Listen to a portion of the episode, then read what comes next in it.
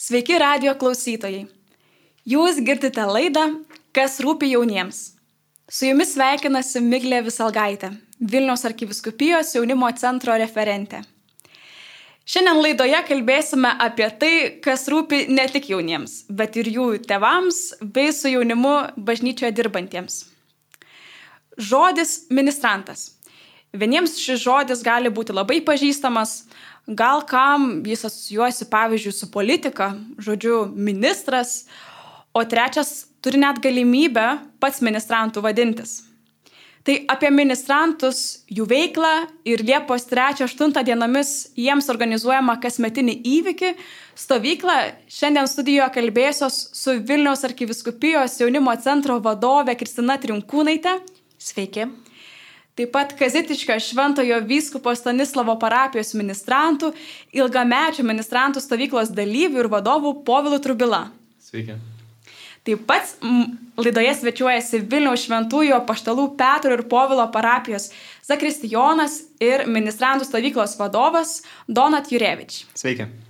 Tai Šiandien mes kalbame apie ministrantus. Ir tikrai kartais pasakau savo pažįstamiems draugams, kad vat, bus ministrantų stovykla ar koks ministrantų renginys, arba va čia yra ministrantas. Ir kai kurie žmonės nustemba, jie pirmą kartą išgirsta šitą žodį. O kada jūs patys pirmą kartą šį žodį išgirdote patys ir, ir su kuo jis jums pirmiausia asocijuodavosi? Tai gal uh, pirmas atvejis, kada išgirdau tą žodį ministrantas, tai būdamas labai mažas, gal keturių metų, uh, tiesiog ateidamas į bažnyčią su tėvais, su seneliais, visada matydavau tos vaikinus, paauglius ar vyresnius vyrus, uh, keistai baltai apsirengusius prie kunigo. E, kažką veikiančius, e, kaip tokius, kaip zyzinčius, kaip bitės presbiterijoje. Na ir natūraliai, kaip vaikui, toks smalsus klausimas, o tai kas jie tokie? Na ir tada pirmą kartą savo gyvenimą, turbūt išgirdau tą žodį, nu čia yra ministrantai. Tai man buvo čia kažkas iš kvantinės fizikos ryties, e, toks naujas žodis, žinot, kad ir mečiam vaikui. Bet uh, na, su laiku tiesiog klausinėdamas, o tai ką jie veikia, kuo jie užsijama, na, man tiesiog tėvai paaiškino, kad čia yra tokie žmonės, vat, kurie labai yra svarbus, labai reikalingi, kad padėti kunigui apieigų metu. Taip. Povilai, koks tavo pirmas įspūdis, tu daug metų esi ministrantas. Koks tas susipažinimas, susitikimas? Tai tas uh, pirmas ministranto, kaip ir pavadinimas išgirstas, buvo kažkur aštuonerių metų, kai uh, tuometinis mano klebonas Deimantas Braziulis pakvietė į ministrantų stovyklą. Tai to žodžio, kaip ministrantas dar jis pats neišaiškina, tik, tik, tik stovykloje supratau, tai, ką tai reiškia. Irgi, kaip pirmą kartą išgirdau tą žodį, galvojau, ministras, ministras, kažkas panašaus, irgi su politika, kažkas tai, bet, bet visai, visai kita reikšmė pasirodo to žodžio ministrantas. Taip, taip. Aš e, asmeniškai išgirdau šitą žodį pakankamai vėlai, jau dirbdama tik tai jaunimo silovadoje pati, nes e, e, kai augau parapijoje, tai pagrindė merginos eidavo gėdoti, dar vienas kitas vaikinas, buvom chore bažnyčios ir nemaža dalis mūsų bendramžių vaikinų buvo uh, prie altoriaus patarnavo, bet niekada jų nevadindavo ministrantais, juos visą laiką vadindavo patarnautojais. Tai aš kai jau atvykau Vilnių, pradėjau darbuotis jaunimo silovadoje, tik tai tada išgirdau žodį ministrantas iš tiesų ir buvo toksai, labai aiškiai supratau iš konteksto, kas, kas tai yra, nebuvo kažkokia tai paslaptis, o kad kitaip vadinama, tai bažnyčiai kartais, na, susiduri su tuo, kad išgirsti kažkas vienaip ar kitaip vadinama ir dėl to visuotiniškumo kartais, ar ne, kartais verstinių tų žodžių, tai sakyčiau, kad labai labai greitai prisijaukinau tą patį žodį, bet tikrai pastebiu, kad nemažai žmonių e, tai yra nepažįstamas žodis, nors ir jie bažnytiniai yra. Taip. Aš tai prisipažinsiu, aš irgi ilgą laiką nežinojau žodžio ministrantai, ministrantas ir irgi bažnyčioje man girdėdavus tas žodis patarnautai. Bet pirmiausia, aš apie patarnautojus kažkaip pat galvodavau, kad o, va, kokie gražūs berniukai. Vat, aš atsimenu, gėdodavau chorę ir vat, tiesiog buvau tokia maža mergaitė ir man tokie, nu, vat, gražus, baltai apsirengę berniukai, į kuriuos šventų mišių metu žiūrėdavau. Bet, tai va, o kaip tas žmogus, nežinau, tampa ministrantu, nu kokia ta jo kelionė, vat, kaip, kaip jūs tapot ministrantais? Nuo ko tai prasidėjo? Aš ministrantu bent jau tapau grinai tėvų iniciatyva. Pats niekad nebūčiau ėjęs prie altoriaus, ten rodėsi žmonėm. Tai ministrantų nežinau. E, tampama iš karto nuo pirmų dienų, kai pradedi patranauti, jau įveltis į tą bažnytinę veiklą. Taip. Kaip tu, Donatai? O gal pas mane visiškai atvirkštinė situacija, aš buvau tas, kuris nustebino tėvus, kad eisiu prie altoriaus, tai, na, prisimenu savet, kaip sakiau, na, kai jau sužinojau, ne, kas, kas yra tie ministrantai, man labai patiko, nežinau kodėl, bet man labai patiko tie liturginiai rūbai, tiek, tiek ministrantų, tik kunigo apranga. Ir būdamas vaikas, aš labai norėjau pamatyti, apžiūrėti tai iš arti.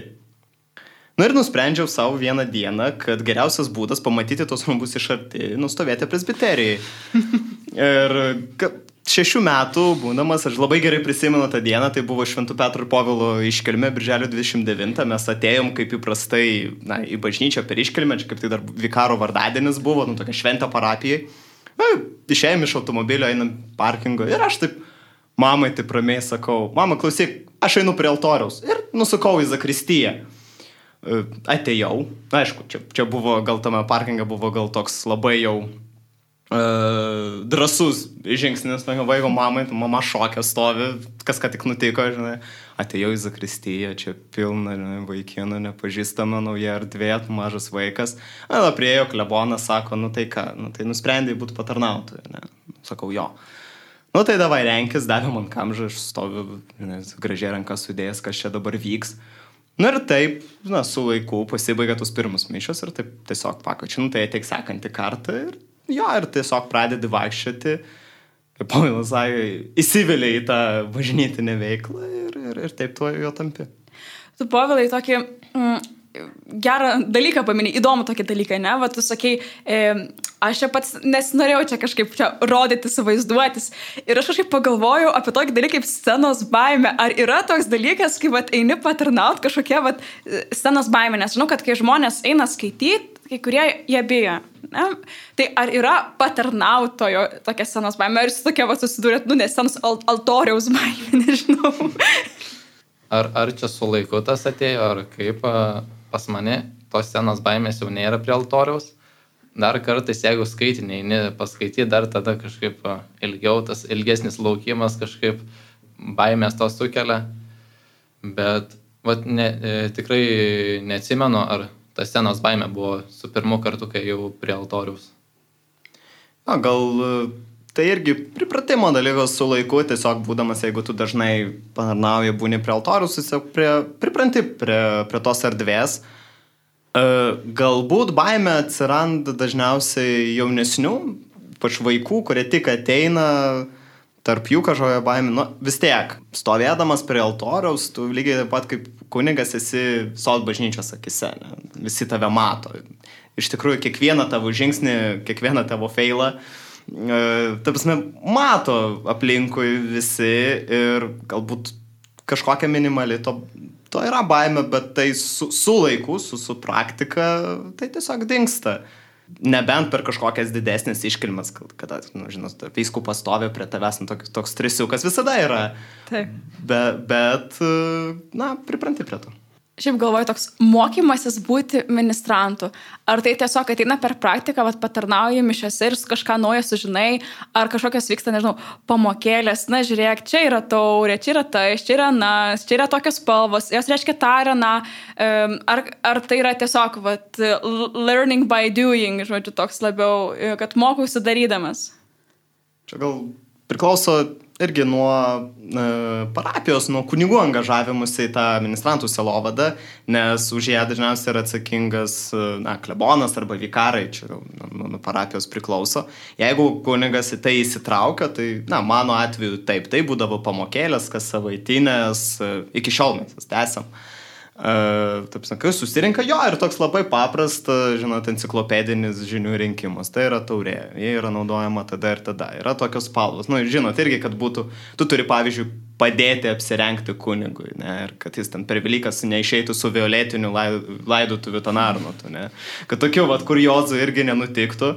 Uh, na, tu tiesiog, tiesiog mokaisi, bet irgi kitas dalykas, taip, tai ateina su praktika, nes, nu, tu žinai, ne, kada yra naudojamas, bet kol tu to nepadarysi, tu žinai, kaip patarnauti vyskupui, bet kol tu nesusidursi su vyskupu akis į akį, tai, na, tai bus teorinės žinios, tai tos teorinės žinios turėtų būti per praktiką duodamas ir dažnas atvejis toks būna, kai, pavyzdžiui, nu, vaikšto, vaikšto ilgai patarnauja, patarnauja, tarsi viską moka, po to iškrenta dėl kažkokių priežasčių, tam, pavyzdžiui, išvažiuoja kažkur, po to grįžta į parapiją, jiem reikia prisiminti, na ir tai užima kurį laiką prisiminti, nes senai nebuvo praktikos, čia kaip su kalbų mokymusi, teoriškai tu moki kalbą, bet tu turi visada ją naudoti, kad, kad na, vystytų. Mano pirmos teorinės tos pamokos apie patarnavimą gal tikriausiai buvo pačioj nu, pirmoji ministrantų stovykloje. Mano parapijoje tų teorinių pamokų kaip ir nebūdavo, tiesiog ateidavai į mišes e, su vyresniais, stebėdavai, ką jie daro, kaip jie ten dirba. O tos uh, pamokos teorinės tai grinai prasidėjo nuo ministrantų stovyklos ir nemeluosiu, dar jis ir dabar eidamas patarnaut vis kažką naujo išmokstu. Man bendrai ministrantų tas buvimo klausimas siejasi su vyru, su vaikinu selovada, su vyrų buvimu bažnyčioje. E, atrodo, kad vat, bažnyčia yra ta terpė vat, jaunuoliams susitikti, melstis, patarnauti, aukti tikėjime, dalytis kasdieniais džiaugsmais su skirtingo amžiaus e, vyrais, e, kalbėtis apie, apie nežinau, apie vyriškumą, apie, apie visokius iššūkius. Tai tam tikra tokia kaip ir vyriškumo mokykla. Ir ar šių dviejų grupių, ministrantų ir, ir vyrų selovada, tai va tokie du susiekiantis indai, ar tai yra susiję, ar tai visgi tokios dvi skirtingos grupės ir jos e, parapija, na, nelabai turi kažkokio tokio santykio viens, viens su kitu. Na, tai gal Gal aš sutinku su to teiginiu, kad, na, pas mus tradicijoje taip yra, kad e, ministrantas siejasi su vyru, nors nebūtinai ministrantų turi būti e, vaikinas. Taip. Gali būti ir mergina, bet jo, pas mus taip jau, na, ne tik Lietuva, pas mus čia regione Europos, taip jau, na, tokia susidarė, galima sakyti, kad tradicija, kad, va, būtent, kai ir, va, Kristina minėjo pradžioje, kad mergaitės eina į chorą, vaikinai eina patarnauti. E, tai iš tikrųjų tai yra savotiška irgi selovados, irgi savotiškos selovados tokia prizmė, tokia erdvė, kur mes irgi, tas patarnautojas, ne, turi būti patarnautojas ne tik kažkaip per vieną pamoką iš kunigo, aš vikaro išgirdau tokio, tokius žodžius, kad tu patarnautojui turi būti ne tik, kol tu esi apsirengęs alba kamžą ir stovi prie altoriaus, tu to patarnautojui turi būti kasdieniam gyvenime. Ir tas patarnavimas yra skirtingas, taip kaip turi skirtingas užduotis prie altoriaus, lygiai taip pat turi skirtingas kaip vyras, turi skirtingas užduotis gyvenime. Taip. E, ir taip kaip tu patarnauji kunigui, taip tu turi patarnauti savo šeimai, ar tai tevam, ar, ar vėliau žmonai, savo vaikam, čia na, galim skirtingai žiūrėti, bet irgi tai yra savotiškai irgi pašaukimo, nes daugiausia pašaukimų į kunigystę būna iš ministrantų. Tai, tai labai yra plati savo vadinė erdvė, uh, tie ministrantai. Bet aišku, tai, tai yra vyriška kompanija ir dažniausiai toj kompanijoje mes nekalbam apie patarnavimą, bet kalbam apie sportą, merginas ir kažkokius tokius dalykus. To, bet tai irgi mūsų augina tokiam kasdieniam gyvenimui, ne tik tam stovėjimui prie altorius. Taip. Tau, Kristina, kaip jaunimo centro vadovai, ne, dirbančiai su jaunimo selovada, ar tu matai kažkokius, vat, žinau, tas galbūt galimybės, gal, gal, yra, gal dabar to nėra, bet gal kažkokias galimybės matai šitose dviejose sritise selovados? Na, aš manau, kad pagrindė vyrų sielovada dabar ir vyksta būtent per, per patarnautojų ugdymą. Dėl ko? Todėl, kad nelabai turim didesnės alternatyvos pasiūlyti vyrų sielovadai ir, kaip ir minėjau, yra ta tokia kaip ir po tradicija, netgi sakyčiau, para, kalbant apie parapijas, jeigu kur reikia pakviesti tą jauną žmogų, kur jį, na, vat, padėti jam įsilieti, negali tiesiog sakyti, ateik ir nieko nepasiūlyti jam, nes ką jis atėjęs veiks, pabus mišiose išeis. Bet žmogui reikia įsitraukimo, reikia užduoties, kad jisai jaustųsi svarbus. Tai E, nieko geriau kol kas, man atrodo, netradom kaip e, patarnavimas, gėdojimas, e, dar kiti dalykai buvo ir adorančių ir visokių kitokių dalykų matome, kurie išlikę ir kurie veiksmingai toliau veikia. Tai kadangi, kaip ir minėjo Donat, kad vis dar mūsų viskupijoje, sakykime, aš gal labiau kalbėčiau apie grinai mūsų arkiviskupiją, E, yra patarnautojai vaikinai, tai nori, nenori, ta ministrantų sielovada gaunasi vyrų sielovada. E, ir iš tiesų būna kartais iššūkis, nes toje vyrų sielovadoje, toje didėje, didelėje vyrų kompanijoje atsiranda viena kita mergina. E, ir nesakau, kad tai yra blogai, bet tai patampa tuo met truputuką irgi tokiu iššūkiu, o kaip tada reikia būti, kaip reikia uh, pertikti visą tą informaciją, nes dinamika vis dėlto yra skirtinga, nori, nenori, mes juk puikiai suvokiam vis tiek, kad e, yra tie skirtumai ir dinamikos tuomet irgi skiriasi. Tai sakyčiau, kad tai yra ne tik tai šiandienos iššūkis, tai vis darysis didesniu iššūkiu, tai sakyčiau yra didelis rytojaus iššūkis, apie kurį mums reikėtų galvoti. Ir klausimas, ar tada vat, ta ministrantų sielovada ar vyrų sielovada išlaikys lygybę. Gali būti, kad taip nebebus ateityje paprasčiausiai, bet matysim, kaip bus. Taip. Kokia ta ministrantė, šiaip įdomu, ta tokia vieta e, parapija, ar tai yra e, žmogus, kuris patarnauja mišiose, ar tai yra žmogus, kuris dar kažką bažnyčioje veikia ir, ir šiaip kokie tie būna poreikiai, lūkesčiai ministrantų? Gal tas patarnavimas mišiose irgi čia, na, galima kalbėti atskirais pavyzdžiais ir, na, tai ir, ir vėl pakartosiu, kad tai priklauso labai nuo parapijos, nuo, nuo, nuo tenai vykdomos įlovados. Uh, labai skiriasi miestas nuo kaimo, bet uh, tokios bendros tendencijos uh, tarnavime yra tai, kad dažniausiai, bet, bet tie, kurie patarnauja prie altoriaus yra kokia artimiausia komanda kunigui, pavyzdžiui, e, arba kitiems darbuotojams bažnyčios. Ir e, būtent jie yra pirmas numeris, kurį kvies kažkokius darbus prie bažnyčios. Ar tai tvarkymas teritorijos, ruošimas šventėms, puošimą, puošimas ir tokie visokie, tokie labai tokie, talkos dalykai. E, tai yra normalu, kad kviečiami yra iš, iš, iš patarnautojų būrio, nes ta prasme, jie vis tiek žino tą, tą erdvę, jie, jie gerai jaučiasi. Būtent pagrindinis lūkestis yra kaip, na, vaikinam e, tokio aktyvesnio, ne, ypač, ne, nes tą didžiąją dalį ministrantų sudaro tokie paaugliai, kurie dažniausiai energingi, aktyvus, jiems reikia kažkokios veiklos, ne tik žinot, pastovėti valandą sekmadienį mišiuose, bet irgi žinot, ir, ir patampyti kažką, ir panešioti, ir, ir žolę ten nupjauti, ir dar tokių dalykų. Tai jie nori to ir jie įsitraukia į tai ir tas kvietimas tų patarnautojų e, po to lygiai taip pat atsišaukia ir kai jie tampa vyresniais, nes jie lygiai taip pat atveda savo, pavyzdžiui, turėdami šeimą atveda savo vaikus ir jiems prisimena, jiems tai yra, pavyzdžiui, ypač seniem, e, va, aš jaunystėje va tą dariau ir dabar noriu, kad mano vaikai, janūkai ir kažkas tą darytų.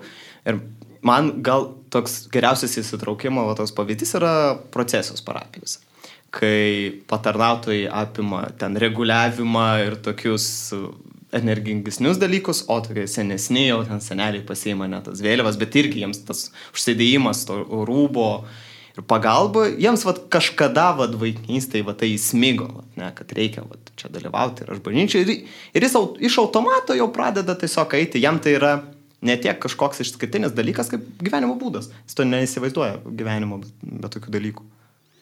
O kokius tu, Kristina, organiz... kadangi jaunimo centras organizuoja ir krepšinio turnyrą kasmet, ir ministrantų stovyklą, ir, ir šiaip tą santykių turi su parapijom ir tokiu būdu ir su ministrantais, kokius tu kažkokius ar išskirtinius poreikius pastebi ministrantuose, ar tai yra kaip kiekvieno jauno žmogaus e, poreikiai ir lūkesčiai?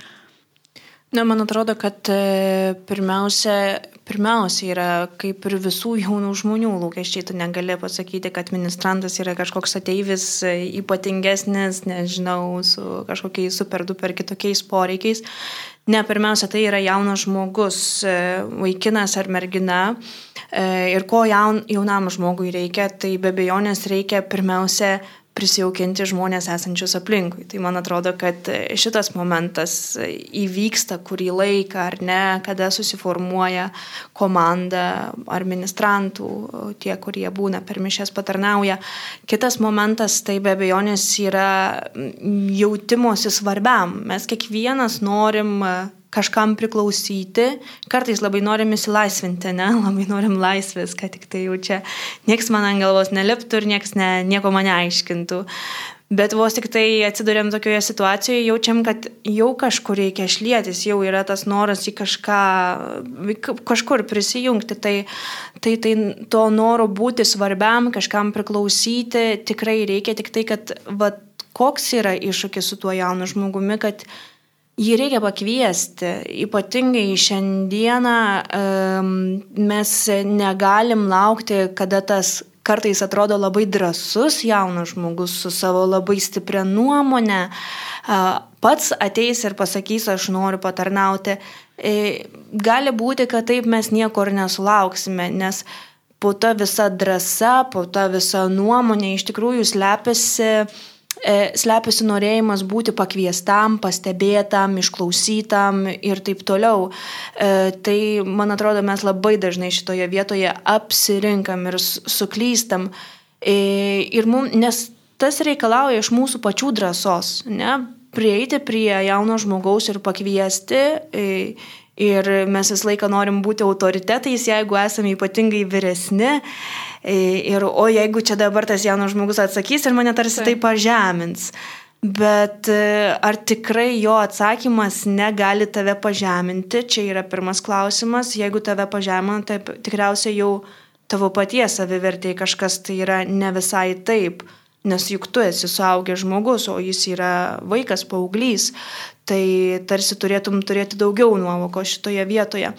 Tai ir kitas be bejonės dalykas tai yra bendrystė, ko tikrai reikia tam jaunam žmogui, mm, nors ir jisai sakytų, aš noriu būti vienas, bet tame laikotarpyje um, jo ugdosi, formuojasi socialiniai gebėjimai, jis gali tikrai sakyti, kad aš nenoriu būti, man nepatinka, man nesmagu, bet tai yra labai normalu, nes tai yra tas laikotarpis, kuomet jisai formuojasi ir išgyvena vienoje labai daug iššūkių ir, ir jis tikrai sakys, kad daugybės dalykų jis tiesiog nenori, bet iš tikrųjų tas bendrystės pojūtis jis yra tikrai labai labai e, stiprus, e, kurio jisai irgi ieško. Ne veltui paaugliai vaikšto visą laiką grupėmis, ar ne? Ne po vieną, ne kaip nors, o grupėse. Taip, tai viena tai. Jo, aš dar gal papildysiu, va, tą, bendrystės jausmą irgi labai svarbu, uh, ypač jaunam žmogui, kad tas patarnavimas, nes dažniausiai va, būna taip, kad paaugliai patinka, patinka ir iki kažkokio momento ir jam nebepatinka. Nes mes labai susitelkėm irgi ties uh, bažnytiniais dalykais, kurie yra, viskas su tuo yra gerai. Bet jaunam žmogui uh, reikia ir kitokios erdvės, ne tik presbiterijos. Uh, jam reikia, kad jis su tą kompaniją patarnautų, kad irgi įsijungtų ir, ir jis norėtų į ją ateiti, stovėti prie altoriaus. Tokią perspektyvą, kad, pavyzdžiui, jūs ten savaitę atstovės prie altoriaus, tai po savaitės mes kažkur varysim kartu su kompanija, nes ten, nežinau. Ir tai, ar tai pradedant nuo kažkokių sporto veiklų, šiaip kažkokių pasivaikščiojimų, išėjimų, e, bendrų, tiesiog kažkokios bendros kompanijos, kažkokių bendrų vakarėlių kad irgi, pavyzdžiui, jeigu pas patarnautojus, kad pas kažką gimtadienis, tai pakviesti ten tą kažką naują ir per tą praeit. Ir iš asmeninės patirties galiu pasakyti, kad, na, ta geriausia draugų kompanija mūsų susiformavo būtent tarp patarnautojų, bet jie susiformavo ne tiek toj bažnyčioje, kiek bendravime kitur. Prasme, mes galim sėdėti dabar su draugais kažkur, ne kalbėtis apie savo žemiškus dalykus ir klausyk šį sekmadienį, va, mes turim va, dar šitą va, padaryti. Ir tai toks įsilymas, tai va svarbu, kad prie tos bažnytinės, ne tik, kad būtų dabar mus gazdins, mhm. kad va, čia reikia laikytis, atstovėti presbiterijai, bet at, klausyk, davai gal po mišių, nežinau, einam kažkur, žinai, restoraną, ten kavos išgerti, pasidėsim, pakalbėsim. Arba varom kažkokiu tam baidariu vasarą, vat, kartu su patarnautojais. Tai, na, va tokie irgi dalykai yra svarbus, kad mes neužsirakintume tik ir neapsiribotume tik bažnyčios teritoriją, kas yra svarbu, bet prie to prisidėti ir tas, kad tas patarnavimas būtų normalus kasdienio gyvenimo dalykas. Taip. Norisi priminti laidos klausytojams, kad e, jūs girdite laidą, kas rūpi jauniems. Ir mes šiandien kalbame apie ministrantus, apie jų veiklą, taip pat e, ir apie ministrantų stovyklą, kuri vyks Liepos 3-8 dienomis. Ir e, jau mes dabar labiau taip į antrą laidos pusę šokame ir jūs kalbėjot, kad iš tiesų nelengva patarnauti, yra daug atsakomybių, daug visokių daiktų ir, ir taip pat patarnauja ir mažesni, ir vyresni ir net nebejoju, kad nutinka kažkokių, na, tokių galima užvadinti kliurkų ar kažkokių e, nuotikių. Tai tokių, galima sakyti, razinkų dar žmonės sako, tai gal galėtumėt bent e, po vieną tokią razinką pasidalinti? Čia tikrai labai daug istorijų yra, kai na, daug patarnauja. Dažniaus, dažniausias kliūkros tokios būna, tai yra suskaitimu. Kai iš naujausio tai vietoj pakartoto įstatymo knygos žmogus perskaitė pakarto įstatymo knygą. E, ir dažniausiai irgi žaidimas su ugnim tiesioginė to žodžio prasme, kai mes turim smilkituvą ir jį arba per labai uždegam, arba nededegam, e, arba kur nors kunigo Arnotas ar vyskupoje nedaug dėvio pataiko į tą smilkituvą ir pradeda kažkas vilt, ar kilimas, zakristi ir va tokie va dalykai. E, mes juokiamės, kad kiekvienos mišios, ypač iškilmingos mišios, nėra vienodos. Bet tu esi biškai tokio streso būsenoj Nes vyresni, tai dar vyresni, bet vaikai gali kažkur po kojom tavo pasgi iš kažko pabėgti, tu esi visada pasiruošęs, kad gali ateiti kažkoks mažas patarnautojas, ypač jaunesnis ir ten išsigąsta, aš noriu pas mamą. Ir tu mišių vidury paėmė jį nuo altorius ir vedi pas mamą, nes jis verkia, nes jis išsiga, kažko išsigando. Uh, bet tai toks, uh, aš manau, tai, tai tik puošia tą, tą, tą patarnavimą ir rodo, kad jis yra gyvas. Nėra kažkoks statiškas, kaip mums atrodytų, dabar mes visi gražiai išeinam su rankom sudėtom. Tai, na, kaip juokiamas, prie altoriaus vyksta vienas ir gerai, kad žmonės mato, kad viskas prie altoriaus gražiai, bet jūs matytumėt, kas vyksta Zakristijai. ir, ir, ir, na, ir tą judėjimą, bėgiojimą ir iš tikrųjų kartais norisi irgi iš žmonių tokio dalyko, kad pagalvotų, kad tos gražios mišios tikrai labai didelį indėlį turi ir kunigo, ir tų patarnautojų, tų, ko nesimato. Tai, kas lieka užkulisiuose ir ypač, na, ir tų būtent nuo, nuo mažiausių iki vyriausių e, tas angažavimas. Na nu, ir jeigu nutinka kažkokia knurka, nu, tai, tai tik, tik, tik padidina nuotaiką ir ten jokių ten tragedijos nesukurs ir nereikia ten labai kažkaip gal kreipti į tai dėmesį, bet tai norm, normali gyvenimiški dalykai, nes tas patarnavimas yra kaip kiek, kiekvienam darbė gali kažkas nutikti. Taip. Dabar klausiau ir supratau, kad kiekvienoje parapijoje realiai uh, patarnautai daro ta, tas pačias kliurkas. uh, tai ir, ir pas mus buvo situacijų, kai su smilkitu, su to tribulė eini ir kartais viskas per šonus byra. uh, buvo ne kartą, kad reikia su skaitiniais, kad ne to, ne to sekmadienio skaitinius perskaitai, tada kunigas ateina pataiso, dar kartą skaitinį perskaito. Bet tai gyvenimiški dalykai realiai. Vis, visi daro tų klaidų, e, niekad nežinai, nu, vis, visada mokomės. Aš, e, ką šią akimirką atsiminiau, tikrai yra jų nemažai, man atrodo. Aš nesu prie altoriaus, bet um, užtat labai gerai matau.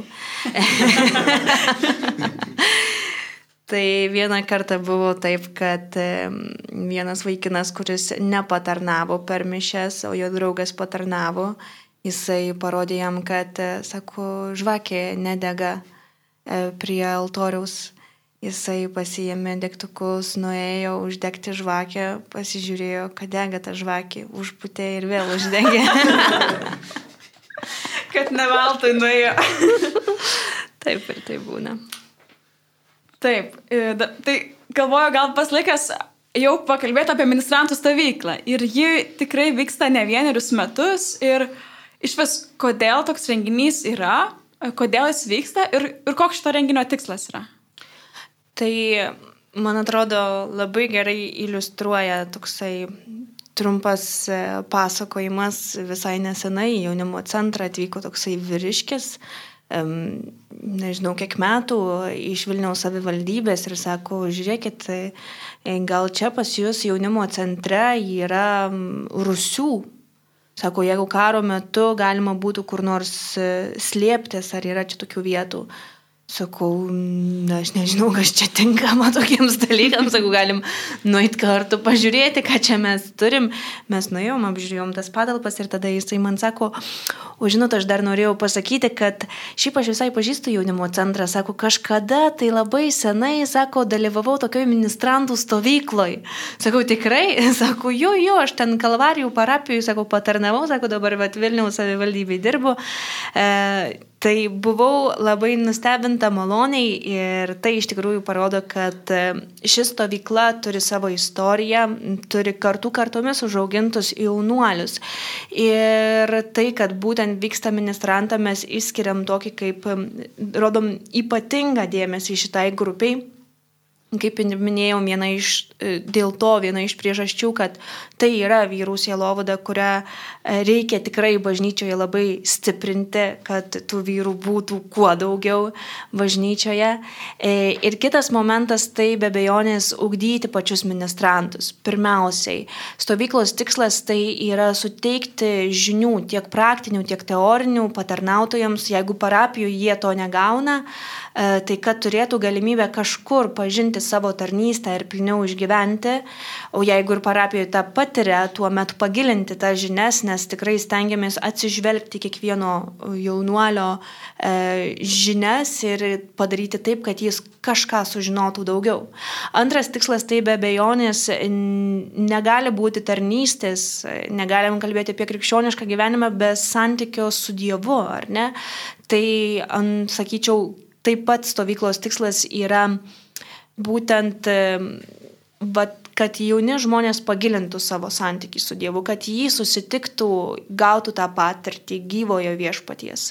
Ir trečias e, toksai mūsų uždavinys, tai be bejonės yra bendrystė, pažinti ne tik tai savo parapijos ministrantus ir su jais kažką išgyventi, bet visos Vilniaus arkiviskupijos, pamatyti, kiek daug iš tikrųjų yra tokių jaunuolių kaip aš ir būtent išgyvenus tą bendrystę, kaip sakau, pasipildyti kūro visą visiems metams su dideliu energijos užtaisu mm, tarnauti viešpačiui, žinant, kad e, aplinkui tokių jaunuolių yra mm, tikrai ne vienas.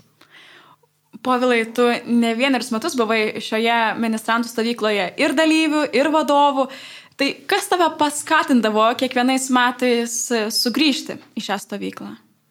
Tai stovykla bent jau pačius pirmus metus skatino grįžti tikrai ne bažnytiniai dalykai, ne tas teorijos mokymasis ar praktikos, Taip. o tiesiog uh, susitikti su senais draugais, tai po metų, tai va, uh, į tuos, uh, į, dėl pramogų tų visų. O dabar, kai, nu, iš tiesų, pirmi tie, kaip dalyvio metai, pradėjo atsibosti po kurio laiko. Kai suėjo gal 15 metų, pirmą kartą pakvietė dalyvauti e, į stovyklą ne kaip dalyvio, o kaip vadovo.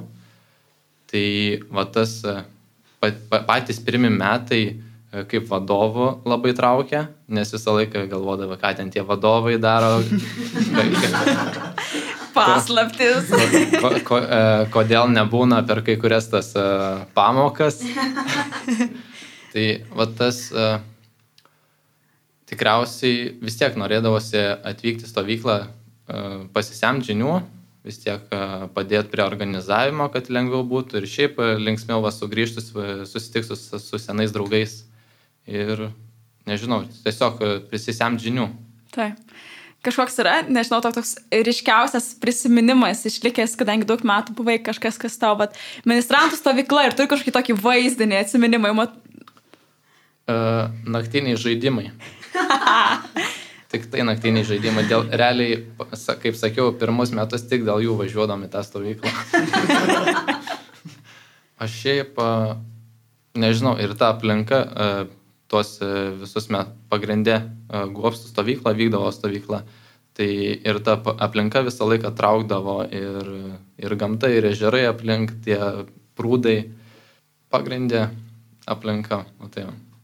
Tu, Donatai, praeitais metais pirmą kartą e, prisijungiai į vadovų komandą stovyklos ir turi ir pamokėlės vedėjai ir tikrai susipažinai su nemažai ministrantų. Ir tikrai tu ne vienerius metus, daug metų patarnauji bažnyčioje, bet ar buvo kažkas tau, vat, kaip sakristijonui, kaip ministrantui naujo, pačiam kažkoks atradimas, ar apie, apie patį patarnavimą, ar apie ministrantus, ar apie tą jauną žmogų? Na, gal labiausiai toks įsimintinas dalykas iš buvimo vadovų, ypač kai na, pats puikiai supranti, kas, kas yra patarnavimas, tai uh, yra tų jaunų žmonių, vaikų, paauglių irgi mąstymo pažinimas, kaip jie tai įsivaizduoja, e, kaip jie priima tą ir kiek jiems yra svarbu e, būti bažnyčiai ir būti tos bažnyčios dalimi. Ir, na, vadovo, aišku, visada užduotis yra kažko išmokyti, kažkur padėti, bet tiesą pasakius, iš tų vaikų galima išmokti labai daug. Ne veltui Jėzus Evangelijos sako, kad tik tapę kaip vaikai jūs pažinsite iš tikrųjų tą mano mokslą ir, ir kartais e, jų pasakymai, jų reakcijos į tave. Kart, kartais tu jiems kažką aiškini ir jie tavo pataiso ir tu supranti, kad e, tai jis tiesą sako, kad čia tu nusišnekėjai ką tik ir jis teisingai tave pataisė. E, jų irgi toks Labiausiai tai turbūt jų angažavimas į viską. Ta prasme, na, pasakai, dabar reikia atsinešti dėžes ir tave bėga 20 vaikino, aš noriu padėti ir tu supranti, kad tu, tarpsime, pas dvi dėžės, bet pas 20 žmonių ir tu turi kažkaip jiems tą padėti, atsitraukti ir tu mokaisi irgi bendravimo, bendravimo su kitais žmonėmis ir ypač, ypač su tais jaunais žmonėmis irgi paklausiu jų, kart, kartais ir tokių asmeninių pokalbių yra, kai jie ateina pas tave ir paklausim, pas mane tokia situacija, pas mane sunkiau, pas mane yra lengviau, gal, na, padėt. Ir tu irgi mokaisi kalbėti su jais, bendrauti, simėsi kaž, kažkokių, kažkokių patirčių savo.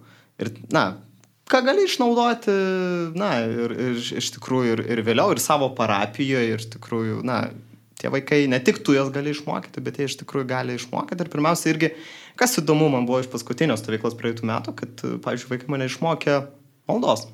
Dar labesnis, didesnis įsitraukimo į maldą ir uh, man labiausiai toks mintinas momentas buvo, kai per maldos vakarą vaikinai vat, ėjo iš pažinties toks, na, toks iš tikrųjų liūdimas, kai vienas vaikinas sakė, nu tai gal aš neįsiu, neseniai buvau ir jis pamatęs, nes savo draugus einantis pagalvojo, sako, kažką pasikalbėjo, jie tarpusavio pasikalbėjo, tu prasme, 12-13 metų vaikinai tarp, pasikalbėjo pat ir kitas nuėjo iš pažinties. Ir čia toks buvo, wow, iš kartais su suaugusiu tarpą mes bijome, o čia, tapsime, vaikai, paaugliai pasikalbėjo tarpusavio apie tokį dalyką kaip išpažinti.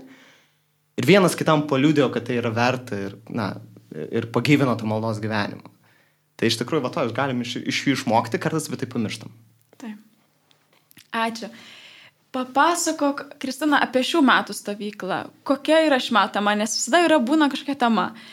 Kas galbūt joje bus naujo, o kas yra, yra išlaikyta, kaip tikrai labai prasminga ir dėl to nuolat verta pakartot. Žinot, labai sunku pasakyti, kas yra išlaikyta arba kas nauja, nes nežinau, kas buvo, pavyzdžiui, prieš 15 metų. Gal grįžta, sunku pasakyti. Tai kaip ir minėjau, Miglė, kiekvienais metais turime temą, kuri kuria keliaudami mes stengiamės vat, būtent suvokti savo tapatybę, gilinti santykiai su Dievu. Tai šių metų tema yra Jūs pasaulio šviesa. E, tai būtent šią temą gvildensime ir iš tiesų, kas laukia, tai ką tikrai išlaikysime. Tai be bejonės e, patarnavimo tiek teorija, tiek praktika, nes be šių dalykų nebūtų ministrantų stovyklos, būtų tiesiog stovykla. ir be bejonės kasdienės e, šventasias mišes, e, kur jaunuoliai turi galimybę iš karto tai, ką išmoko eiti ir panaudoti, ar ne. Taip pat atvyks ir arkivyskupas Gintaras Grušas ir maldos vakarą kartu turėsime ir šventasias mišes. Tai vad, kaip sakė, visą laiką baisu yra prie arkivyskupo, prie vyskupo, tai mes iš karto jaunuolis įmesime į vandenį. Tai, vat, e, tai manau bus, e, bus iš tikrųjų nuostabus laikas. E, ši programa yra sudėliota taip, kad būtų prisotinta būtent tų skirtingų dalykų, kuriuos išvardinom, tas tris kryptis, tai yra bendrystės, patarnavimo tarnystės ir santykio su Dievu. Tai turėsim tiek ir pramogų, be bejonės, olimpiados, krepšinis futbolas, naktiniai žygiai, va, jau Pavlas irgi nori į stovyklą, ne? jau, jau reikia registruoti. taip, taip. Ir, ir, ir daugybė kitų dalykų. Tai kadangi trunka nuo Liepos 3 iki 8, tai galėčiau jums vardinti, vardinti, bet man atrodo, kad e, neleis man tiek e, operatorius laidos. Tai tik norėtųsi, kad, kažina, primintum pagrindinę praktinę informaciją apie stovyklą tiem žmonėm, kurie vat, norėtų galbūt pakviesti, nežinau, savo vaikus, pažįstamus, anūkus, tai koks amžius, kokio amžiaus gali vaikai e, dalyvauti stovykloje, kur registruotis, kur ieškoti informacijos. Taip, tai pirmiausia, ką noriu tikrai pasakyti, tikrai pakvieskit, jeigu dvėjojat šiuo metu ar reikėtų pakviesti savo nūką, sūnų, draugą, ar ten kas ten bebūtų. Taip, tikrai pakvieskit, nedvėjokit šią akimirką, o imkite jau telefoną ir rašykit žinutę, noriu tau paskambinti, nes e, žinutė ne visą laiką veikia. Geriausia gyvai susitikti arba vat, paskambinti ir sakyti, žiūrėk, kokią gerą laidą girdėjau, o kokia stovykla. E, tai va, tai jeigu turit kažką, kas patarnauja nuo 9 iki 14 metų, tai e, nueikite į Vilniaus arkiviskupijos jaunimo centro puslapį arba Facebook, arba ne, Facebook neikit, eikit vaits.lt ir tenais rasite informaciją, e, registraciją, visko, ko reikia. Galite skambinti mums ir mes pasakysime, kokių duomenų reikia, norint užsiregistruoti. O liko, žinokit, iki registracijos labai, labai, labai nedaug. Kiek? Na, va, dienelė kita, dienelė kita. Tai reikėtų pa, paskubėti, ne? Tai kaip sakiau, jau imkite telefoną ir jau skambinkit. Gerai, tai tikrai labai ačiū. Ir mes jau einame į pabaigą ir tikrai, tikrai norisi paraginti ir pakviesti Liepos 3-8 atvykti į stovyklą. Ir registracija jau į pabaigą, daugiau informacijos vaistas.lt, O šiandien laidoje dalyvavo ir kalbėjosi Vilniaus arkiviskupijos jaunimo centro vadovė Kristina Trinkūnaitė, ministrantas, ilgametis ministrantų stovyklos dalyvis ir vadovas Povilas Trubila, Vilniaus šventųjų paštalų Petro ir Povilo parapijos Kristijonas ir ministrantų stovyklos vadovas Donat Jurievič. Dėkoju, kad klausėtės prasmingo ir atgaivinančio vasaros laiko.